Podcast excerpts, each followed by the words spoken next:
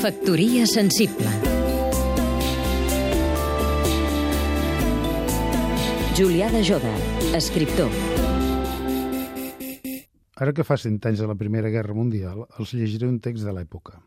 Poilu és el soldat ras francès i Boig és el soldat alemany. Dotzena Divisió d'Infanteria, 8 d'octubre de 1916, Estat Major. La salutació serà executada d'acord amb les disposicions següents. La salutació de l'autèntic poli. Redreçar-se enèrgicament sobre els esperons, ajuntar els talons, portar la mà dreta a la posició de salutació reglamentària, tensar els músculs, el pit inflat, les espatlles arronsades, el ventre encongit, fixar els ulls en els ulls del vostre superior i dir-se per dintre «Estic orgullós de ser un poalí». Baixar el mentó, alegrar els ulls i dir-se per dintre pensant en el teu superior. Tu també n'ets un, a vegades brames, però no hi fas res, pots comptar amb mi aixecar el mentó, expandir el tronc, pensant als botxes i cridar per dintre. Pelarem aquests cabrons.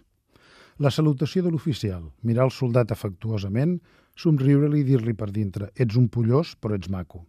Aixecar el mentó pensant als boixes i dir per dintre «Gràcies a tu pelarem aquests porcs». Firmat General Brissó.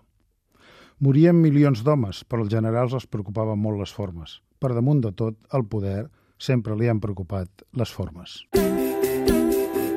Factoria sensible Seguim-nos també a catradio.cat